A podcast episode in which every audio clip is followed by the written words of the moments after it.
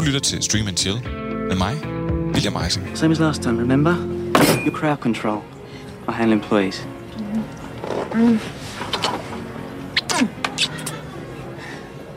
I love you, pumpkin. I love you, honey bunny. Everybody be cool, this is a robbery! Any of you fucking pricks move! And I'll execute every motherfucking last one of you! I 1994 lavede en mand, der hedder Jerome, en film om to legemorder, en afdanket bokser, en gangster og hans kone, og sidst, men helt bestemt ikke mindst, et par, der over brunch beslutter sig for at røve en diner. Det lyder måske ikke som et setup til måske en af verdens bedste film, men det er det. Fortællingen i Jeromes film er ikke lineær. Den er brudt op, og bare fordi en scene kommer før en anden, eller fordi de er klippet op af hinanden, ja, så skal dem, der ser filmen, ikke regne med, at det sker på samme tidspunkt, eller det umiddelbart er den rækkefølge, som filmens hændelser foregår i. Hver af karakterernes historie har nemlig deres helt eget tempo. Nu tænker du så måske, det lyder som et gevaldigt kaos. Men det er det ikke. For langsomt, men sikkert, vikles alle karaktererne sammen, og de mange historier bliver til en, og pludselig går det hele op i en højere enhed, og plottet afsløres.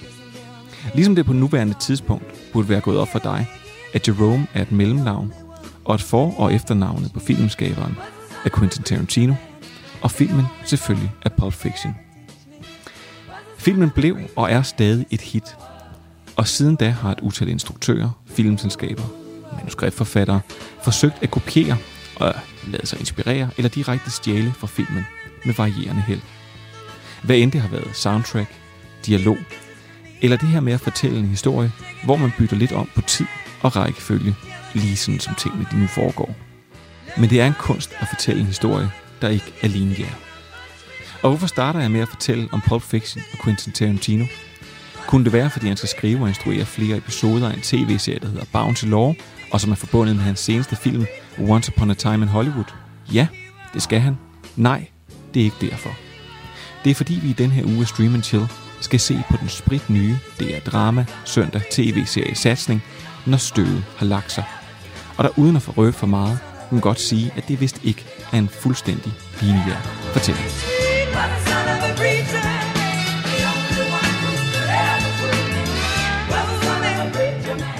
Velkommen til Stream Chill, programmet, der fungerer som en machete i den store tv-serie Streaming Jungle. Vi skærer os gennem alt ravl og krat, så du ikke behøves at gøre det. Men som en hver eventyrfar, så kan jeg ikke klare det hele alene, selvom jeg har en kopi af en Indiana Jones hat derhjemme. Så til at hjælpe mig, har jeg det omvandrende serieleksikon og David Linjofil, Andreas Halskov. Velkommen til, Andreas. Tak. Og ved siden af ham sidder der en kvinde, der den anden dag ringede til mig og sagde, at hun forresten lige havde set den gamle Jumanji og også den nye, og de øvrigt egentlig var meget gode. Og derudover så ved hun også en masse om serier, og så beriger hun JP's læsere med en masse kultur. Velkommen Tak til, Jamila Sofie Alvi. Tak. Udmærket film. Udmærket. Overras- Overraskende god. Jamen, de er gode. Mm.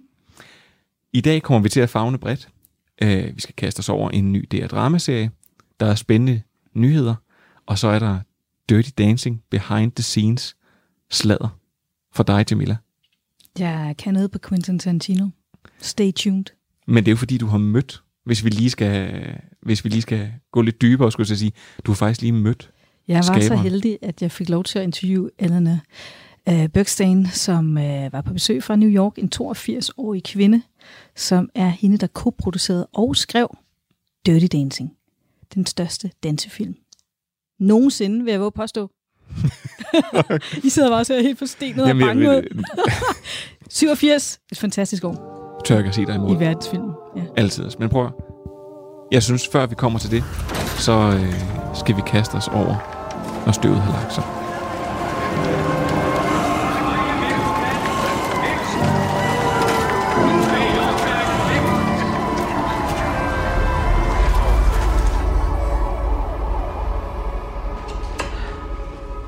De har fundet en taske med automatvåben op ved Hirsomlejren. Hvad betyder det? Helvede brød løs.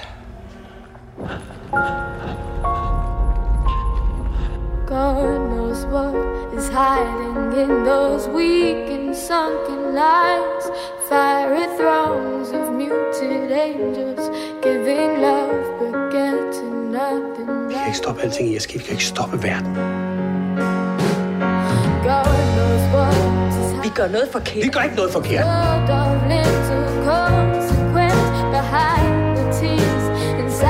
Men jeg er jo skrevet op i systemet. Hvad er det, du ikke forstår?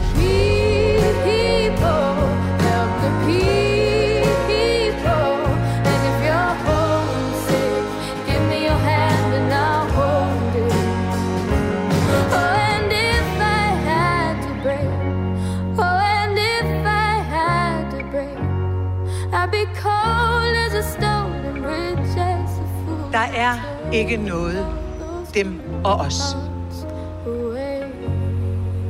Der er kun os. Lyden af kødet, der bliver svitset, blander sig med summen af de mange samtaler, gæsterne i den fyldte restaurant har. Og mens kokken kun har tid til et hurtigt nik til servitrisen, der betyder, at anretningen er færdig, og hun nu kan bringe maden ind til gæsterne, så er der en anderledes ro, som hersker ved de mange borde i restauranten. Her går snakken mellem alt, mellem himmel og jord. En snakker om, hun gerne vil prøve et nyt sted. En anden bliver spurgt til et romantisk forhold. Og ved et bord bliver der serveret et stykke kage for en lille pige, der har fødselsdag. Alt i alt en helt almindelig aften. Men i et splitsekund stillhed skærer lyden af et våben, der bliver ladt gennem restauranten.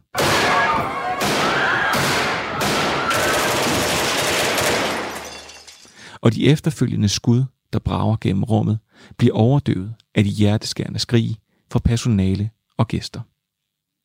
Serien Når støvet har lagt sig, er en serie, der tager udgangspunkt i et terrorangreb i Danmark, og derfra folder sin handling ud ved at følge otte forskellige personer, der tæller alt fra en gammel mand på et plejehjem til en hjemløs, og en otteårig pige til landets justitsminister. Serien kan ses hver søndag på DR1, som godt gammeldags Flow TV, eller på DRTV på nettet. Og Andreas og Jamila, den her serie her, den springer både mellem tid, men også mellem sine karakterer. Og vi får konstant små brudstykker af en historie, sådan små puslespilsbrikker. Men det, som jeg egentlig vil starte med at spørge om, det er, øh, hvordan synes I, at den, at den ligesom omfavner den her ikke lineære fortælleform? Fordi der bliver sprunget meget i tingene. Jeg vil godt lægge ud, for jeg er jo nok den mest øh, positive i den her sammenhæng, tror jeg. jeg synes, den fungerer rigtig fint. Ja, det er, hvad hedder det, og øh, jeg synes, at den er længere væk fra Pulp Fiction, eller den er ikke så tæt på Pulp Fiction egentlig. Den, den hvad kan man sige, den ikke-kronologiske fortælling øh, går jo i filmisk forstand uhyre langt tilbage. Der var jo masser af eksempler på, øh, på ikke-kronologiske fortællinger tilbage i 20'erne og 30'erne, blandt andet den Oscar-vindende Grand Hotel, og den er tættere beslægtet med sådan noget som det, og så de her mange Robert Altman-film, Nashville, Shortcuts, sådan noget. Altså konvergerende skæbnefortællinger, hvor man øh, her i hvert afsnit får lanceret nye karakterer, som man så kommer lidt ind i, og så er, er der en eller anden hændelse. I den her sammenhæng har du ligesom, du har allerede fortalt, hvad hændelsen er. Ja, det er jo ikke, fordi Der- vi har ødelagt noget. Det sker inden nej, for nej, de det sker første i tre allerførste- minutter. Det sker allerede første sekvens, så vi er ikke i tvivl om, hvad den her øh, hændelse, som bringer dem sammen, de her skæbner er. Øh, men Mm, jeg tænker, at den lidt fragmenterede fortællestruktur, og det her med, at vi langsomt, drypvis får introduceret nye karakterer, og skal forsøge at finde ud af, hvad er deres rolle i forhold til denne her hændelse, det er øh, det giver mening. Altså, den, den, den, den har en fragmenteret struktur, som afspejler øh, seriens øh, egentlig væsentligste tematik, som ikke er terror, men snarere er sammenhængskraft, eller den mangel, der er på sammenhængskraft, både i samfundet som helhed og i den enkelte familie. Det kan da godt være, at det bliver indimellem med lidt ført hånd, og det godt kan øh, måske være lidt øh, indimellem lidt didaktisk, men sådan er det jo nogle gange med DR's dobbelte historier, men jeg, jeg synes egentlig, den er meget fint fortalt, og den er først og fremmest for mig øh, visuelt og lydligt ret flot. Jeg tænker, at øh, det er dramachef, han sidder og græder af glæde lige nu, Andreas. det må jeg sige. og ikke kun at bruge ordet didaktisk, men, men øh, ja altså, jeg er ikke i tvivl om, at du har ret i, at det er det, øh, at, at det er drama har sat sig ud for at, at gøre netop det. Nu har jeg jo, øh, som vi har snakket om før, en, øh, en øh, hukommelse og en koncentrationsevne som en guldfisk. Så, så jeg har haft lidt svært faktisk ved den lineære form, øh, fortælleform. Øh, måske især det, jeg synes, at det går utrolig langsomt. Altså, øh, øh, der går næsten, nu har vi jo set tre afsnit, mm. og uden at ødelægge noget for nogen, så vil jeg bare våge at påstå, at øh, jeg synes godt, man kunne have speedet fortællingen op i de første to afsnit. Altså, de bruger så lang tid på at karikatere, altså lave, karik- lave beskrivelserne af de forskellige mennesker, lave background stories til de her mennesker, at jeg til sidst øh, falder fra. Øh, simpelthen, at øh, vi, vi, vi, de får lang tid om at komme hen til et klimaks af en eller anden slags, selvom at de i virkeligheden måske starter med klimakset. Mm. Kan det virke til, lige når man anskuer den først. Altså, jeg bliver nødt til at sige, at i de her sådan, sådan en sådan en fortælling her, sådan noget non-linear, altså hvor det netop, hvor det springer frem og tilbage. Det er nogle af de aller, aller sværeste fortællinger hovedet at lave. Og det er derfor, jeg tænker, det er, det er et modigt valg for DR. Men, øh, men jeg splittede det faktisk op, sådan så jeg så det første afsnit, og så øh, så jeg så, øh, gik der en dag, og så så jeg først de to næste. Og jeg vil, jeg vil komme mig selv i den kategori, der hedder en erfaren tv-serie seer. Øh, og jeg, jeg stod altså også af, fordi det, at det, jeg synes ikke, det, at det måske er en fortælleform, der egner sig til serier, hvor man, når man ikke kan sætte sig ned og få en, en, en start og en midte og en slutning på en, på en fortælling, men man skal vente så lang tid.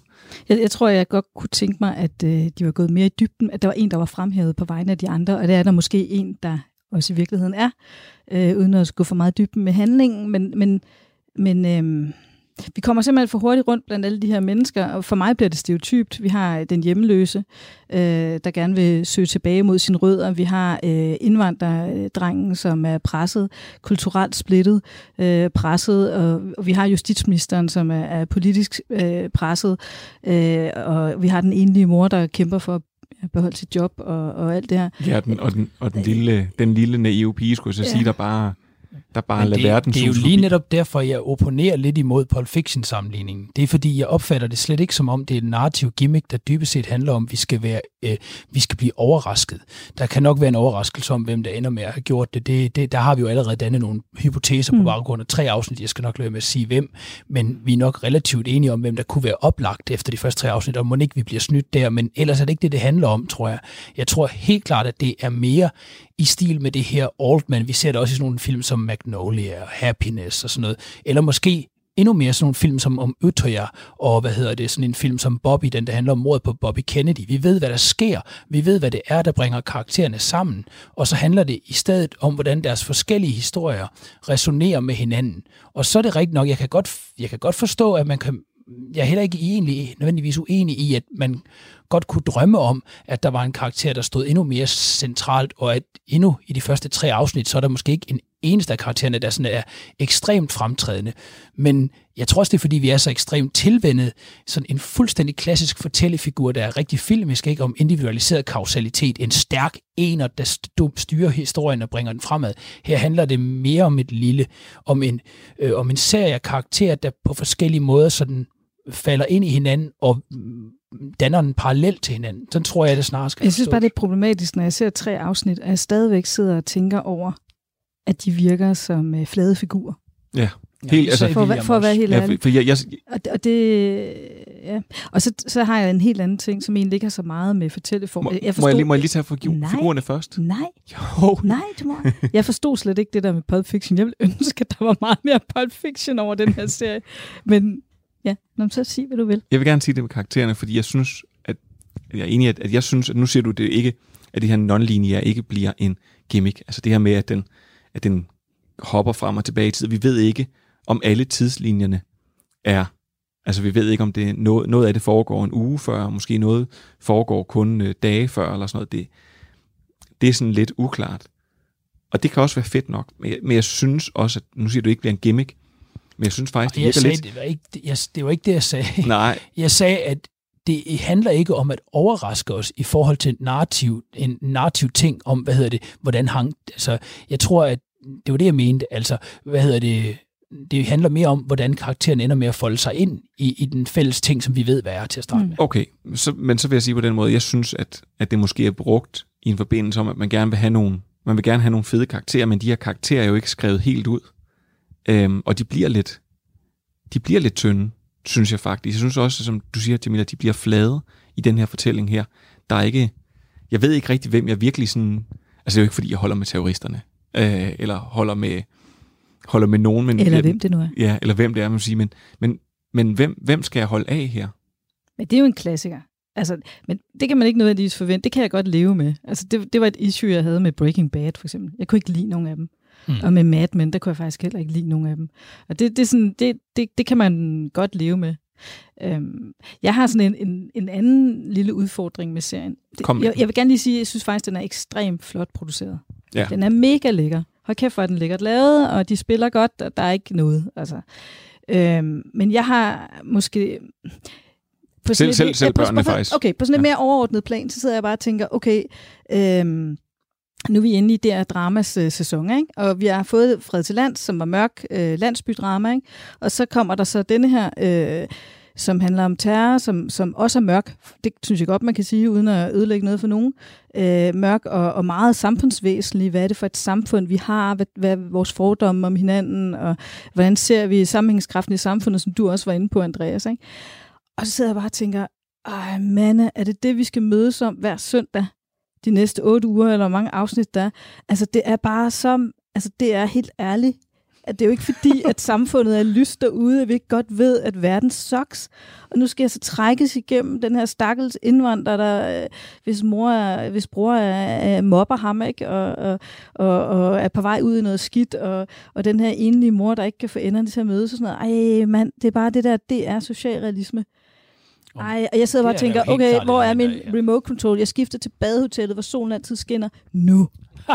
ja, og det elsker Ej, det gør jeg ikke, Det, men- elsker jeg, du siger. Men, jamen, og der er jeg helt klar, der er jeg, jeg synes, det er så dejligt, at, at, øh, at hvis jeg er i stand til på en eller anden måde at lægge mig ud med godt en million danskere, som ser badehotel. Fordi det synes jeg jo er biedermeier og ganske forfærdeligt, og er det nærmeste, vi kommer de røde heste lavet som tv. Så der må de fleste danske øh, seere gerne flygte hen. Så vil jeg gerne sidde og blive mørk inde Men, med, men på prøv, mit prøv, prøv at, det er, jeg vil gerne have en samtale med mig og dig og med alle de andre. Ikke? Ja, det er vil gerne have en samtale. Mm. Og den her samtale, synes jeg, er så 2010. Det er en ja. gammel samtale, og det, selvfølgelig er der produktionstid, og det tager lang tid at producere de her ting. De kan sagtens sidde for tre år siden og tænke, uh, der var Utøya. Øh, lad os lave noget, der handler om samfundet, og hvordan hindrer vi radikalisering, eller pokker ved jeg, ikke? Men, men jeg synes faktisk ikke, at det er det, danskerne gerne gider at tale om. De skal ikke nødvendigvis lave det, vi gerne gider at tale om. Men så bliver de nødt til at finde en virkelig klog måde at knække den kode, der hedder, vi vil gerne styrke samfundet og debatterne i samfundet, og det vil vi gøre med en særlig fortælleform. And this is not it, hvis du spørger mig. Jeg kan sagtens forstå, hvad du mener med, at det øh, at, og det er jo det, jeg også sagde, det, man kan godt måske argumentere for, at det bliver med ført hånd, eller det har noget lidt sådan øh, moraliserende. Det er jo sådan, det er dramas dobbelte historie. Det er jo sådan, øh, hele det der, som Ingolf Gabold var med til at grundlægge, at der skal ligesom være et etisk, moralsk lag i det. Øh, men jeg oplever, eller sådan som jeg ser serien indtil videre, og jeg, jeg skal bevares ved at se tre afsnit, så, så meget ved jeg måske heller ikke om, vel, men øh, det er, at, at jeg er mindre interesseret dybest set i den terrorhændelse og terrorisme som et, tema i serien, end jeg er øh, det, det, som jeg oplever som egentlig hovedtema, nemlig hvordan vi når ind til hinanden som mennesker.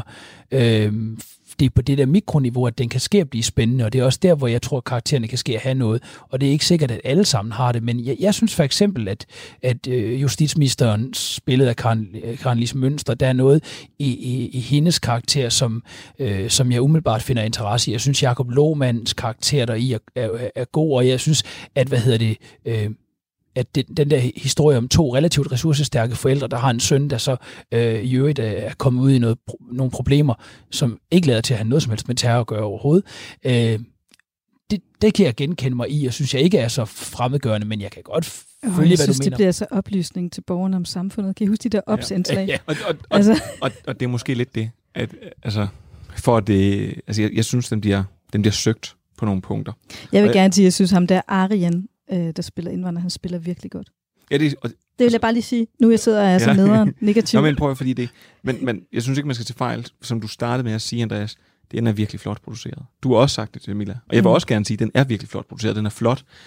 Jeg synes bare, det bliver en, en kaotisk fortælling. Og jeg er spændt på at se, om det her, om det her det vil skabe sådan en eller anden storm mod, øh, mod DR nærmest. Ej, at folk ikke vil det, forstå det. Det tror jeg ikke overhovedet. Jeg, det tror jeg ikke. Jeg, man skal bare tænke på, at der går en uge mellem, man ser, Ja, hvad er de præcis. her. Der skal, der skal noget recap i starten. Der skal være en god cliffhanger. Ja. Altså, jeg, jeg, Mere sol. Mere, mere ligesom, solen skinner altid bade Mm. Jamen, til. om, om helt seriøst, jeg, jeg vil faktisk sige, jeg vil da hellere have, at DR lavede en... Altså, det er ikke, fordi det skal være solstrålefortællinger, men giv os nu hele den serie om gasolins karriere eller sådan noget. Altså sådan et eller Ej, andet. men, men Det- prøv at høre, det er også fordi, nu havde vi fred til lands, så har vi Når stødet er lagt sig. Den næste, der kommer, ikke, den handler om vold i familien. Mm. Altså en socialrådgiver, som er, er øh, øh, som skal navigere i, er, er det vold, er det ikke vold? Altså jeg har det bare, jeg vil bare ønske, og jeg ved godt, produktionsvilkårene, er- altså ting er lang tid undervejs, og man kan ikke bare lige skifte hest øh, i alle mulige proje- altså, i filmprojekter. Men jeg synes, der er sket en del med ja. det her drama. Jeg synes, hvad hedder det, øh, vi har ligesom været igennem en lang bølge af Nordic Noir-serier, hvor det er selve krimigåden, der er i centrum, og så er en eller anden psykologisk splittet hovedperson. Og det er da klart nok, at der er det her psykologisk realistiske element i dansk tv, og det, mm. navnlig DR's dramaserier, det har der været igennem ja, alle årene, ikke? Men øh, det er ligesom, om vi har bevæget os væk fra Nordic Noir-bølgen, og øh, er begyndt at bevæge os lidt over i noget, der kan minde om, altså ja, snarere sådan nogle konvergerende skæbnefortællinger. Jeg synes, den her den er mere, sådan slægter mere bedrags tredje sæson på, end den for eksempel minder om sådan noget som Broen og, øh, og Forbrydelsen og sådan nogle serier, der var før det. Øh, Men der er jeg totalt enig. Jeg, jeg føler, at den er tilbageudskuende. Nå ja, men det, det, er, det er en DR-formel, vi er ude i. Det er der ingen tvivl. Prøv før vi begynder at snakke øh, DR-strategi og alt muligt, så, øh, så tror jeg, vi skal igennem her, og så synes jeg, vi skal finde ud af. Ej, det er så sjovt og skændt. Så jeg tror, vi skal finde ud af, hvem, øh, hvem den her øh, serie her, hvem, hvem den er for, og hvem der vil kunne lide den. Du lytter til Stream and Chill med mig, William Eising. Når støvet har lagt sig, lad, lad mig høre, Andreas, du er øh, positiv for den. Hvem tror du? Tror du, den her vil ramme bredt i befolkningen? Øh, nej, den rammer helt sikkert ikke lige så bredt som Badehotellet. Det tror jeg ikke, den gør. Øhm, Det er der intet, der gør. Øh, det er der jo lige nu intet, der gør nej. Men, øh, men DR's dramaserier, de plejer jo at ramme relativt bredt. Jeg tror, den vil have et, et pænt segment, men det er da klart nok, at det vil være mere dem, der måske... Jeg tror, man er optaget rigtig meget af, af visuel æstetik og af lyd, øh, og måske er mindre direkte optaget af en stærk fremdrift og af stærke karakterer så tror jeg, den, den vil meget klart kunne tænde. Men det er da klart nok, hvis, man, øh, hvis det, man meget gerne vil have, er en stærk fremdrift, så, øh, så er det da ikke den serie, der er det mest oplagt, fordi men, den går, som men- Jamila siger, langsomt. Men er den gennemsnitlige tv-serie det, Jamila? jeg tænker, vi nok er mange, der gerne vil have fremdrift i historier, øh, mindre det er en film, hvor man ligesom... Nå, men, men jeg tænker, at hvis Nå, du jamen, ikke... The Wire, altså. Det er en total klassiker, ikke? Ej, altså. der er der... Nu, vi må ikke det, nævne The Wire. Man må kun nævne The Wire én gang i hele sin tid, mens man er på det her Og program. den har du brændt af nu. Better Call Saul. Der er der også fremdrift. Der er der et stærkt Det går plot. sådan dus også langsomt, den serie. Nå. Nå, prøv at høre, jeg tror, at hvis du ikke har en, en, øh, en streaming, altså hvis du ikke har Netflix, HBO eller Amazon Prime, øh, så, så tænker jeg, at den er for dig. Ja. Altså fordi, ellers kan du bare gå ind og finde noget andet, tænker jeg. Hvis du ikke... Okay. Ej, det er også groft. Prøv at høre, den er virkelig flot. Jeg tror ikke på, at den bliver en stor publikumssællert for Nej. DR. Altså, jeg må, jeg må sige, at jeg, jeg, hælder, jeg hælder lidt øh, til Jamila. Jeg synes, at det er et... Hvis, jeg faktisk, hvis man skal rose det er for noget, så synes jeg, det er utrolig modigt, at man tør at sætte en, en, sådan en søndagssatsning op, som det er, øh, på den her måde, i en så kompleks fortælling, og, øh, og tør kaste sig, kaste sig ud i det her. Og så skal man huske, at de også laver Doggy Style, Mm. som er noget helt andet, men som virkelig, virkelig er dygtigt lavet. Og som også er relativt smalt jo faktisk. Men Doggy som, så jeg tror faktisk kunne ramme flere end den her serie. Muligvis, men den ender jo med at være en ren streamingfænomen. Jeg synes jo netop det øjeblik, det er, netop det øjeblik, det er, de vælger at lave badehotellet. Hvis de vælger at gøre det, det er de kommercielle kanaler, der skal det. De skal da lave badehotellet klogt. Det er, de Prøv skal der lave, skal der de være skal ture, være, på, de hvordan- skal ture gå smalt. De skal ture gøre noget, der er alternativt. Jeg synes, den her... De skal det lave er- en samfundssamtale. Det er det, de er sat i verden for. Nå, og hvis man lytter nu, så øh, burde man umiddelbart tro, at det her var et andet program øh, end øh, Stream Chill, hvor vi øh, snakker om serier og ikke øh, storpolitik inden for dramasatsninger på øh, henholdsvis øh, kommercielle og ikke kommercielle kanaler. Men øh, det vi snakker om, det er, når støvet lægger sig, eller når støvet har lagt sig. Og nu har støvet lagt sig ja, nu i har, studiet. nu, nu har støvet virkelig lagt sig, Stu. Øhm, jeg bliver nødt til at, at, at skære igennem her. Så øh, jeg, jeg fornemmer, at det ikke bliver, I mener ikke, at det bliver måske den, der serie, der rammer bredest. Andreas han kommer bare til at sidde og streame den helt sindssygt for at holde deres tal op nu. Det, det er stensikkert. Jamen, jeg har aldrig ment, at, at brede seertal er, er repræsentant for, om noget er godt. Så det er fint. Okay. Men når støvet har lagt sig, er det er Dramas nye serie. Den kan ses hver søndag på godt gammeldags Flow TV, eller så kan man se den på DR TV. Og vores, øh, jeg tror, Andreas, du er den eneste, der sådan lidt er positivt indstillet øh, over for den. Vi andre mener lidt, at det er lidt en omgang rod, hvor der ikke er så meget fremdrift. Men prøv her. Vi har taget fejl før. Det er meget sjældent, men det er sket før. Så giv den en chance. Og ved I hvad? Nu, så skal vi have nogle nyheder. Yes. Oh, I see. Good news, everyone! I 2018 skete der en frygtelig forbrydelse, da amerikanske Fox lukkede ned fra serien Brooklyn Nine-Nine, en klassisk workplace-komedie, der foregår på en politistation. Men NBC valgte at fortsætte serien med de samme skuespillere og fornyede den først til en 6. sæson, og derefter en 7. og en 8. sæson. Derudover har Netflix fortsat streamingrettighederne i Danmark, og det betyder, at den 28. marts bliver hele sæson 6 tilgængelig i Danmark. Så det er umiddelbart ikke helt skidt, hvis man er fan af Brooklyn Nine-Nine. Go, go, go, go, go, go, go, go, go. No doubt, no doubt, no doubt, no doubt. Og en lille måned inden da, så får Okay With This, en ny serie fra producerne bag Stranger Things og The End of the Fucking World premiere, også på Netflix. Det er selvfølgelig en serie, som Stream Chill kommer til at kaste sig over, mest af alt fordi jeg er virkelig spændt på at se, om de producerer blot vil fortsætte i samme rille, eller om de vil forsøge noget nyt i Okay With This, som altså får dansk premiere den 26. februar. I samme omgang har Netflix afbestilt musical-drama-serien Soundtrack. Den fik øh, premiere sidste år i december, og Netflix er begyndt at blive lidt mere aggressiv og svinge kniven lidt mere, end de gjorde tidligere, hvor flere serier nogle gange fik en anden og en tredje sæson, selvom det måske ikke lige ramte dagsformen. Og det betyder, at der således heller ikke bliver en anden sæson af serien Daybreak, eller skøjtedramaet Spinning Out, som fik premiere den 1. januar. Serien blev mødt med blandede anmeldelser, men helt ærligt, come on. Et skøjtedrama. Hvem havde tænkt hitserie lige der? Men videre, Tom Hiddleston, han er øh, snart færdig med at optage Disney Plus Marvel-serien Loki, hvor i han selvfølgelig spiller Loki, som han også gjorde i de flere Thor-filmene. Og med den serie færdig, så bevæger han sig nu videre til andre tv-projekter. Og han forlader Disney for en kort stund for at lave en politisk thriller-drama-serie med titlen White Stork, hvor han selvfølgelig skal spille hovedrollen. En anden stor Hollywood-stjerne, der skal lave tv, det er Chris Pratt. Efter hans stjerne eksploderede med filmene Guardians of the Galaxy og Jurassic Park rebootet, så har han ikke været at finde på tv, men det bliver lavet om på nu. Han kommer til at være producer og skuespiller, når serien The Terminal List bliver lavet til en serie. Og lige nu så er projektet i sin spæde start, men det lover rigtig, rigtig godt. Men der er altså stadigvæk ikke nogen dato for, hvornår serien får premiere, og det bliver nok ikke så meget komedie, som det mere bliver intenst og thrilleragtigt.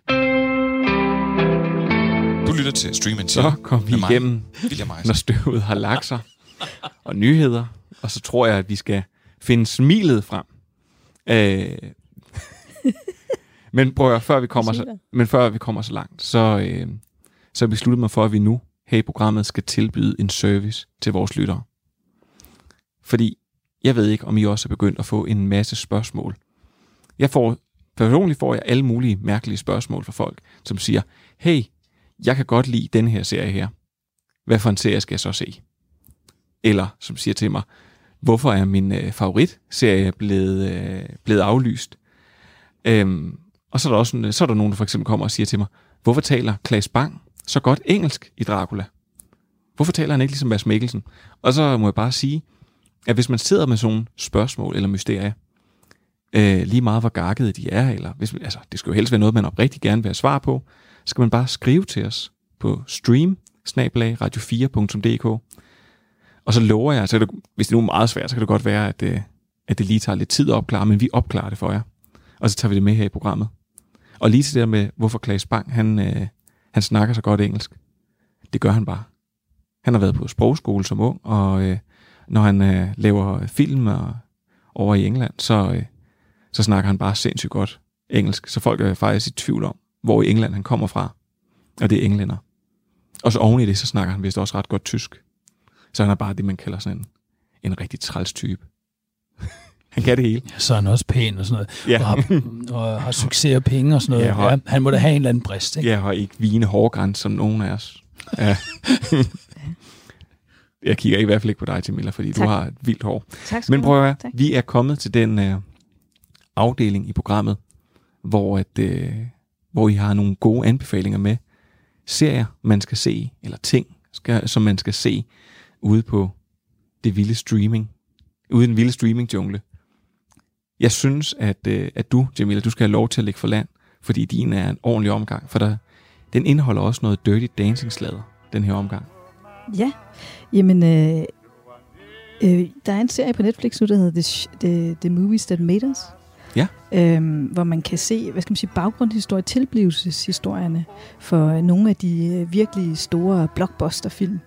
Øh, alt fra Ghostbusters til øh, Alene hjemmefilmene, øh, Die Hard, øh, som i øvrigt kom ud året efter Dirty Dancing kom ud i 1987. Øhm, og så kan man også se baggrundshistorien på Dirty Dancing. I've been waiting for so long now. I finally found someone stand by me. Og det, der er med Dirty Dancing, det er, at den havde en øh, hård tilblivelse. Øh, det var en film, hvor Eleanor Bergstein, som er kvinden, der har skrevet den, delvis på baggrund af hendes egen oplevelser, hendes egen sommerferie i, på et ferieresort i de Catskill Mountains. Øhm, hun måtte øh, simpelthen tage det her manus rundt fra den ene høje øh, chefboss, øh, Hollywood-boss, til den anden, som sagde, nej tak, vi vil hellere have sådan noget dødbringende våben, og øh, Anders Schwarzenegger i Predator, og øh, øh, måske endda farligt begær. Øh, der var ligesom sådan en helt anden tidsånd, og hun kom med den her film, som i virkeligheden handler om en sommerferie i 1963, som var et helt særligt år, øh, en helt særlig sommer. Det var der, hvor øh, øh, Martin Luther King, I Have a Dream, det var øh, den første sommer efter Cuba-krisen. Der var nogle sådan tektoniske øh, sociale konstruktioner i det der samfund, som ligesom sådan bevægede sig. Det var en særlig sommer, siger Eleanor Bergstein, da jeg taler med hende.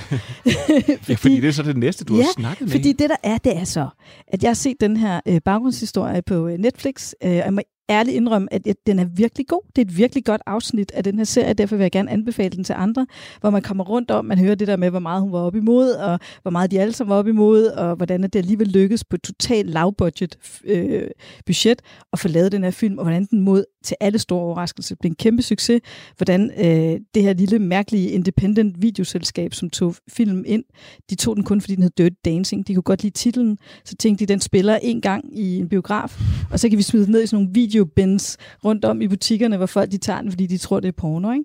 Så det var ligesom udgangspunktet, og så blev den den bedst sælgende. Den solgte over en million øh, hjemmekopier. Det var den første film, der solgte over en, øh, en million i, i, i, hvad skal man sige, hjemmevideo. Øh, og solgte, ja, tjente simpelthen så mange penge ind, som man tror, det er løgn. Men så får jeg så mulighed for her i sidste uge at møde hende, fordi at hun er 82 år gammel i dag, og siden 2004 så har hun rejst rundt med en musical-opsætning af den her film, som går for fulde huse alle mulige steder. Og hun er stadigvæk med til at sikre, at, hvad skal man sige, arven, at der ikke bliver pillet ved uh, babys cardigan, eller at øh, hun er selv Sådan. danser, at koreografien er sådan, som hun virkelig øh, ønsker det. Og den bliver så opsat med øh, danseren øh, Silas Holt, som til min store overraskelse, det var det, der havde jeg noget manglende viden. Han er virkelig stor blandt mange kvinder. Altså, der var en helt sal af kvinder, der var jublede ved synet af ham. Men han skal være øh, Patti Swayze's rolle, og så Mathilde Nordholt er øh, Babys rolle i en musicalopsætning, der kommer til efteråret. Og så var hun så fløjet ind for ligesom at præsentere det over for sådan en sal af kvinder, der kom for at se filmen igen. Øhm, Og så hører jeg hende tale også, og der fik jeg lov til at tale med hende bagefter, om hvordan det egentlig var at være en kvinde i filmbranchen i 80'erne, og om tingene har ændret sig sådan i en post-MeToo-æra. Øh, og øh, der kunne hun for eksempel sige, at det mener hun ikke. Og hun er faktisk også ret sikker på, at hun ikke selv vil have stillet sig frem, ligesom mange af de her kvinder har gjort i Harvey Weinstein-sagen, som kører lige nu i New York, fordi øh, at hun simpelthen, øh, det var hun ikke have ture. Hun ville have været bange for at risikere hele sin, sin øh, fremtid i, i amerikansk film, og den måde, hun fik den igennem på. Ikke? Hun var i det ene mødelokale med en hel masse mænd, der sad og røg cigar efter det andet. Og hver gang så bad de hende om, på trods af, at hun har skrevet 60 siders beskrivelse i manus af de her dansetrin, som er bærende i filmen, ikke? som er en vigtig til de frække trin, så bad de hende altid om, kan du ikke lige vise dem? Kan du ikke lige, kan du ikke lige der vise den? Og så ventede hun til, øh, at øh, de fleste havde forladt mødelokalet, fordi de tænkte, det kommer hun aldrig til at gøre. Og så sagde hun, okay, okay, jeg gør det, når der var en lille patetisk mand tilbage i rummet, som hun siger. Og så ville de altid komme stormende tilbage, hush, alle de her mænd, og så sad de der med cigar og sagde, det er nok bedre, hvis du kommer op på, på bordet, for så kan vi bedre se dig. Og så måtte hun simpelthen stå op på bordet i sit logo, danse Dirty Dancing, for at forsøge at overbevise de her mænd om, at de skulle investere i hendes film. Det er jo fuldstændig sindssygt. Og så var der jo det der med Quentin Tarantino, fordi jeg spurgte hende om, øh, om hvad, hendes oplevelse omkring MeToo, og hvad hun tænkte omkring det. Og så siger hun så, at der er altså nogle ting, der er fedt, tror jeg, ved at være 82 år gammel, og bare Ja. Hvad sagde hun om Tarantino? Ja, hun sagde nu vi lige bare, lidt hun Tarantino. sagde bare, at øh, hun kendte, øh, hun, havde hørt, hun havde ikke hørt så meget om Harvey Weinstein, hun havde hørt noget om Charlie Rosen og Matt Lauer, de her øh, studieværter, som også er røget i MeToo-kølvandet. Øh, men at øh, hun havde mødt Quentin Tarantino første gang i Cannes, og der havde alle sagt, ham der, han er en stor filmmager. Og hun havde mødt ham, og så havde hun så hun tænkt, og, det, og i sidste uge havde hun mødt ham igen, hvor hun havde forsøgt faktisk at undslå sig fra at give ham hånden, fordi hun synes, han har dårlige vibrationer. Han er jo i øvrigt, altså han var jo indtil for ganske nylig Harvey Weinsteins allermest bedste, bedste, bedste ven i verden, på trods af, at Harvey Weinstein også har, har ja, forsøgt sig med hans ekskæreste og alt muligt. Øh, men øh, så siger hun så, at... Øh, Ja, nu tabte jeg skulle lige tråden i min meget lange udredning. Hun sagde, der var dårlig karma omkring ham. Ja, og så siger hun så, at øh, da hun voksede op i Brooklyn, der dansede hun Dirty Dancing med en hel masse bad boys og bullies, ligesom Quentin Tarantino. Men forskellen på dem, og de fleste af dem, de sidder stadig i fængsel eller ude på prøve, prøveløsladelse, det er, at øh, de her bad boys, øh, de voksede ikke op til at blive store filmproducer. Og så sagde jeg, okay. Men så, så ved du hvad, jeg, jeg, jeg, jeg kunne bare, vi kunne køre, hvor vi kunne køre resten af programmet det her. Men så hvis man skal se mere til, hvad var det, Eleanor? Eleanor Bergstein. Hvis man skal se mere til Eleanor Bergstein. Om alle de mænd, der stod i vejen for det. Ja, så skal man se The Movie That Made Us Og høre om, hvordan at Patrick Swayze og Jennifer Grey havde hinanden ja. som pesten. på Netflix. Og ved du hvad, jeg vil faktisk sige, jeg har faktisk set den. Og jeg har også set den om Ghostbusters. Er den god? Den er også god. Fordi Bill Murray er jo lidt skør. Og det er jo fedt. Og det, og, og det er fedt, og det er faktisk fedt at se bagom de her film her. Og ved du hvad, der er endnu bedre? Og nu, øh, nu tjekkede jeg lige med de fleste af dem. Og det er faktisk sådan, at, at der er jo ikke noget værre, end så sidder man og ser The Movie That Made Us, ser man kapitlet om Dirty Dancing, og så man lyst til at se Dirty Dancing. Men den er der. Den ligger på Netflix. Det gør den. Og så, ser, så da jeg så set den, til nu ser jeg den med Ghostbusters, så tænkte jeg, "Ej, jeg kunne godt tænke mig at se Ghostbusters. Ghostbusters ligger der også endnu. Så ved du hvad? Det, er, det synes jeg faktisk er en... Jeg vil er gerne anbefale Dirty Dancing. Det er jeg stolt af at sige. Jamen, det skal du have lov til. Og ved du hvad? Med det, og man kan se det hele på Netflix jo, med det, så synes jeg, at vi skal lade Andreas komme til råd. Altså lige meget, hvad vi to jo siger nu, Andreas, så vil det jo falde til jorden, fordi det kan jo slet ikke hamle op med... Nej, jeg har ikke et ondt ord at sige om Dirty life. Dancing. Nej, med, På med, måde. med, Øh, med intern sladder for Ja, Dirty Dancing. Jeg har heller ikke tænkt mig at placere nogen i corner her. Hvad hedder det? Ja, jeg kan jo også ret godt lide den film. Men øh, nej, jeg vil egentlig anbefale noget, øhm, øh, som er noget lidt andet, men det, det, det har der en lille forbindelse til, øh, nemlig Felicity, som øh, jeg tænker sådan... Øh, det er noget, jeg kunne forestille mig ikke var noget, der så typisk ville komme op i Stream and Chill. Øh, det er nemlig øh, øh jo en relativt klassisk ungdomsfilm. Den er fra øh, 98, så den er nyere, og det er jo The WB, der har, der har lavet den, eller produceret den, og den er lavet af J.J. Abrams og Mark, eller hvad Matt Reeves, så den er den har også et, et noget Abrams stempel over sig. Øh, men, øh, men den er sådan en af dem, man nogle gange glemmer at nævne, når man taler om, hvordan ungdomsserie de har forandret sig øh, ved indgangen til det nye tusind. Der tales så meget de her senere år om skam i sådan noget som, nu nævnte vi Doggy Style tidligere, men også, øh, man kunne øh, måske også nævne sådan en, en HBO-serie som Euphoria, sådan noget som Veronica Mars og sådan noget. Der kom en række forskellige øh, nyere serier med øh, unge personer i hovedrollen, ikke som enten foregår på en high school eller et college eller sådan noget deromkring, men øh, der sker rigtig meget inden for den genre, men Felicity synes jeg er en, en lille og lidt mere stilfærdig perle øh, i den der gruppe af serier. Og øh, den er sådan ikke sådan, den slår ikke så meget ud med armene, og, øh, som for eksempel Veronica Mars er ikke nær så lejende med genreforhold. Det, den er sådan relativt klassisk i sit udtryk. Den er bare meget flot filmet, synes jeg. Og så er Carrie Russell i, i hovedrollen øh, som, øh, som Felicity, altså titelrollen. Men du bliver nødt til at fortælle mig, hvad handler Felicity om? Felicity handler om en, øh, en ung kvinde, som flytter øh, til en helt anden by, fordi hun er forelsket i en fyr og gerne vil øh, gå på det samme universitet som ham. Og øh, så i den, øh, ja, så handler det jo om så om hendes almindelige universitetsliv, ikke? og øh, hvordan at hun så er splittet mellem de her to fyre. Det kan lyde meget ala, skal vi vælge Dylan eller Brandon? Det er, sådan, og det er, det er også, let's be honest, den del af det er relativt klassisk. Så er der bare nogle andre ting, som mere eller mindre tilfældigt ender med at være ret øh, interessante og stilskabende. Altså øh, på nøjagtigt samme år, som Sex and the City udkom, 98, så har vi altså to serier her, der begge er fortalt fra sådan et slags førstepersons perspektiv, hvor det er, øh, hvor vi har hendes stemme som voiceover, som central fortællekraft i den. Her det, fordi hun jo øh, indtaler en række beskeder på diktafonen, som så bliver til beskeder til en, en, en eller anden lidt ukendt veninde et andet sted, som hun fortæller sin historie til. Så den der lidt dagbogsagtige form. Jeg tænker, det er ikke sådan, øh, måske ikke en typisk maskulin serie at nævne, men jeg er nok heller ikke så maskulin. Jeg kan, jeg kan ret godt lide den, og så synes jeg, så nu vi havde den her samtale om producer og sådan noget, så kan jeg nævne, at øh, jeg har talt med produceren af den her serie, som er øh, Tony Krantz. Øh, han er producer og packager, det vil sige, han er kendt for at pakke serier, så han sælger sådan idéer. Øh, det er ham, der har solgt øh, ideen til 24 timer, og til Melrose Place, og til Beverly Hills, og til ER, og sådan noget. Så umiddelbart ikke en mand, vi skal være særligt taknemmelige. Nej, han, for han tjener, når så snart man har solgt sådan en pakke, så, selv, så tjener man derivater resten af livet. Det vil sige, han, han, han, han er formentlig pænt øh, rig. Og øh, han fortalte om, at castingen af Carrie Russell, de havde jo prøvet, de prøvede sådan, noget, øh, sådan noget, øh, næsten 100 forskellige kvinder til den her rolle her. Og i forhold til det, du sagde tidligere, William, med, med at tale engelsk, så grund til, at hun fik rollen, det var, at hun var den eneste af alle de kvinder, de castede, der kan finde ud af at sige ordet preface. Det hedder nemlig ikke preface. Der eksisterer ikke et engelsk ord, der hedder preface, men det er sådan en klassisk gymnasieelevs ting at sige.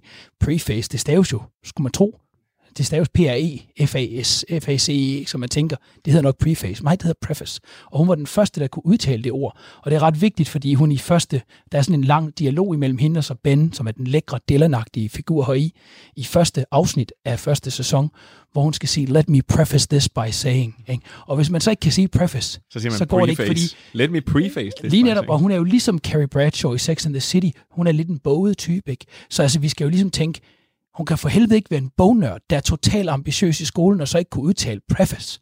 Altså, så det er jo, hvad hedder det, ja, det var sådan en lille øh, fjordhistorie, men jeg ved så ikke, om der har været andet der. Jeg tror ikke, Tony Krantz har været på den måde en slimet øh, producent, men hvem ved. Ikke? Men altså, det var, det var sådan den, en, ikke en anekdote, der på nogen måde kan måle sig med Dirty Dancing-anekdoterne, men hun fik så ikke rollen, fordi hun dansede på et bord, mig bekendt, men rollen, fordi hun faktisk har et meget flot engelsk. Og siden så kender vi så hendes historie, ikke? så blev det The Americans og alt muligt, og nu er hun jo en stor stjerne. Ikke? Det er hun virkelig. Andreas, du mangler en ting. Hvor er det, vi kan se Felicity? Ja, og det vidste du vil sige, fordi det er jo The WB, der har lavet den, så den er ikke på, øh, den er, jeg mener, den er på Amazon Prime, men altså, øh, jeg, jeg er jo sådan en, der ser den via DVD. dejligt. Ej, hvor dejligt. Så, Hvor mange men, gange har du set den?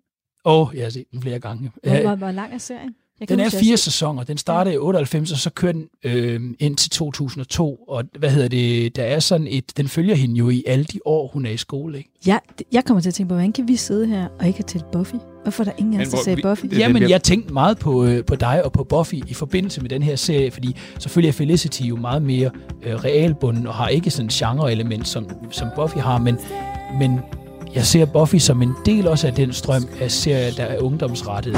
Øh, Men jeg bliver nødt, jeg bliver nødt til at skumme sig. Jeg, jeg tror simpelthen ikke, at, at Den eksisterer måske kun på den amerikanske Ja. Am- øh, Amazon Prime. Så det vil sige, at du har... Det Så jeg har vist, øh, anbefalet- En, jeg har serie, anbefalet- en serie, som vi ikke kan se, Så- og som øh, man Ej, kan det var, komme det var hjem et hos... trip down memory lane. Ja, man kan kan komme hjem hos noget. Andreas Halsgaard, så kan man låne hans DVD'er. Okay. Hvor, hvor, kan, hvor kan man se Buffy hen? Og that I don't.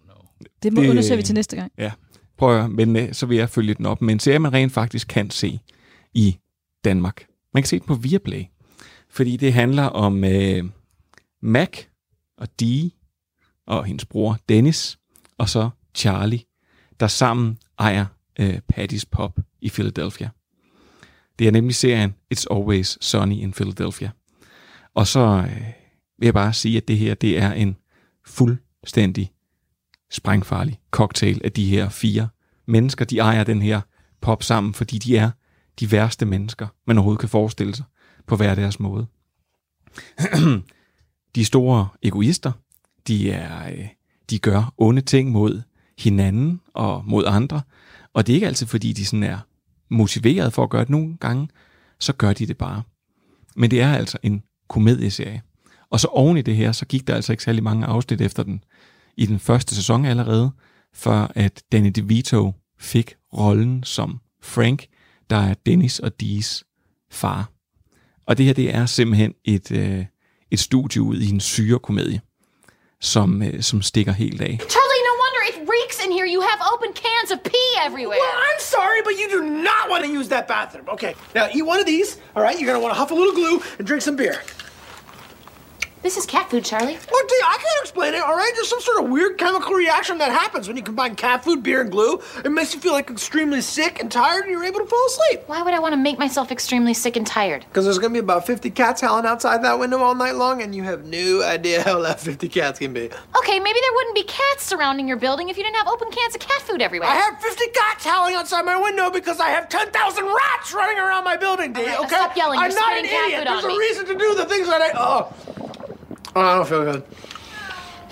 I'm just starting right on time. If I were you, I'd start wolfing that shit down. Der er ikke nogen udvikling i den her serie, der er ikke noget.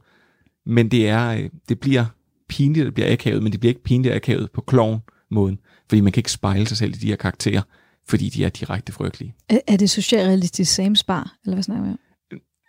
Meget sjovere. Men, men vi er næsten derhen af, så det er virkelig, virkelig mærkeligt, og det er virkelig, virkelig sjovt. Det er en komedieserie.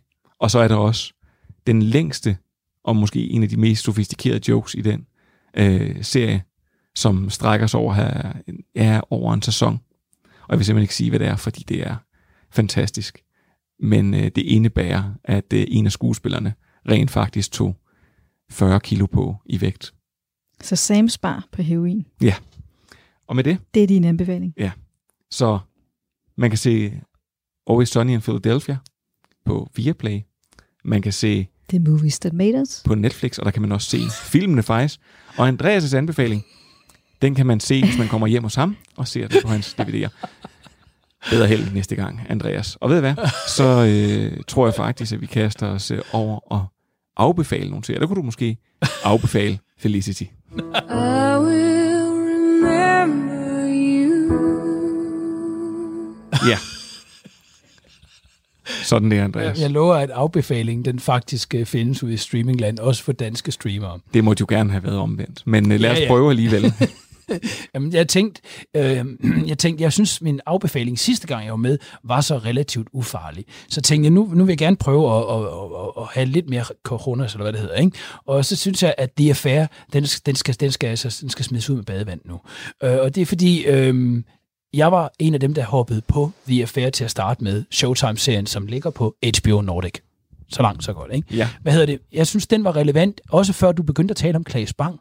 Så nu er den jo dobbelt relevant, fordi Claes Bang er faktisk en af de få lyspunkter, der er i sidste sæson af, hvad hedder det, The Affair. Han spiller, øh, hvad hedder det, stjernen Sasha Man eller Sasha Man, og er ret fantastisk. Men hvis vi ser bort fra netop hans rolle, så kører den for mig at se øh, ud af en uheldig tangent i den seneste sæson, ved at have et fremtidsplot med. Den bliver lidt for i henhold til alt det, vi har talt om med DR, som kan være godt eller skidt, alt afhængig af, hvem man er, så bliver den alt for klonky i sin moralske fortælling om sådan noget som klima, og nu skal vi passe på, at der ikke bliver skovbrand i Kalifornien og sådan noget. Det bliver sådan alt for tydeligt øh, manieret i den seneste sæson, og derudover så bliver den for gentagende i den figur, som har været igennem hele serien i affære. Man kan ligesom godt regne ud, hvad den dybest set handler om. Den handler om en affære, og, og det er så udgangspunktet for i øvrigt at fortælle en historie, der netop, og det var grundlaget for, at jeg tog den med, er ikke lineær. Den springer i tid og rum, er baseret på Kurosawa og Hitchcocks øh, 52-film, altså fra 1950, Stage Fright og Rashomon,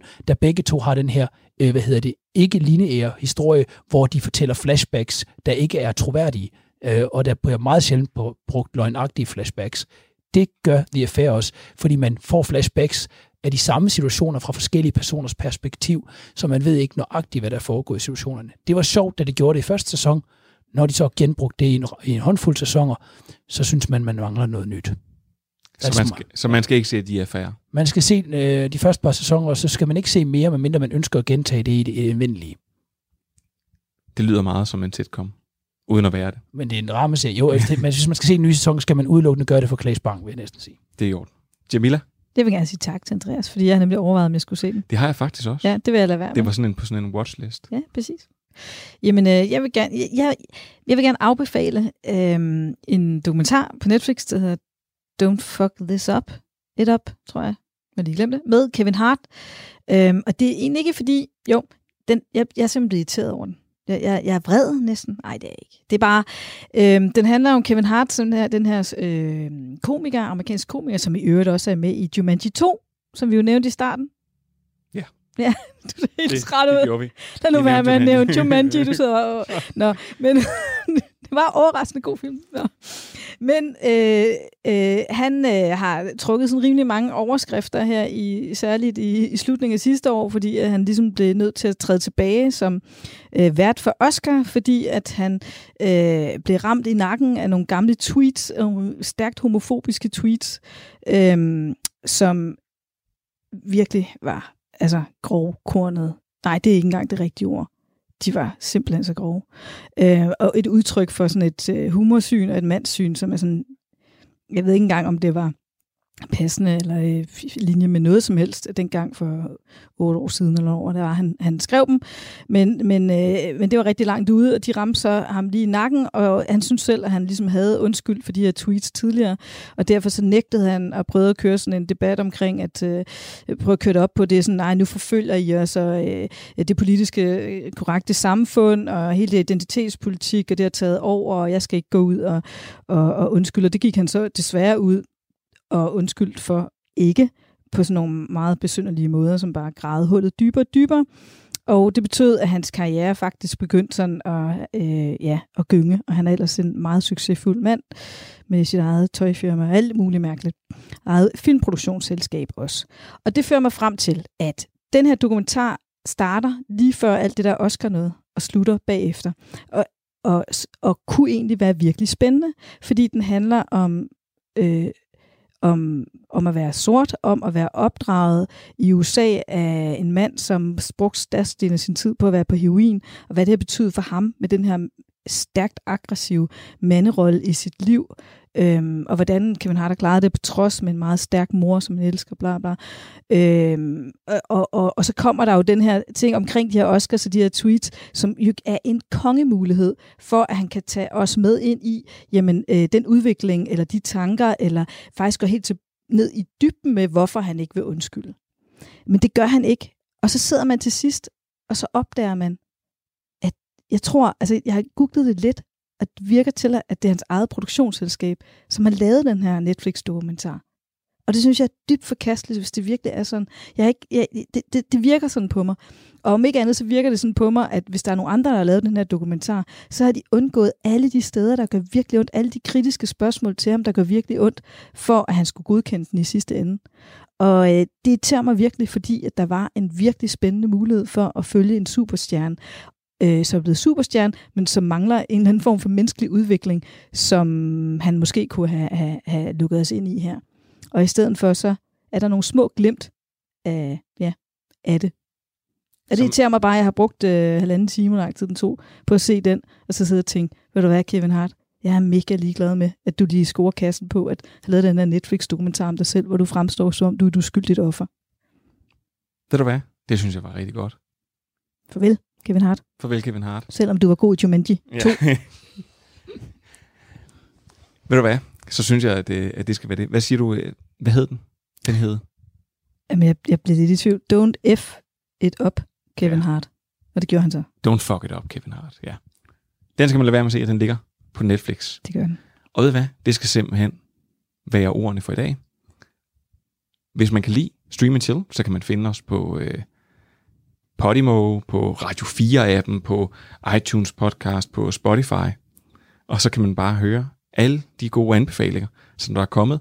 Og der lover, at der kan man også høre anbefalinger, som man rent faktisk kan finde på streamingtjenester, ikke kun i Andreas' DVD. Så, men, tusind tak, fordi at I, uh, I kom i dag, og så synes jeg, at uh, vi skal give de sidste ord til Picard. You know, back when I was in the academy, we would follow every toast with a song.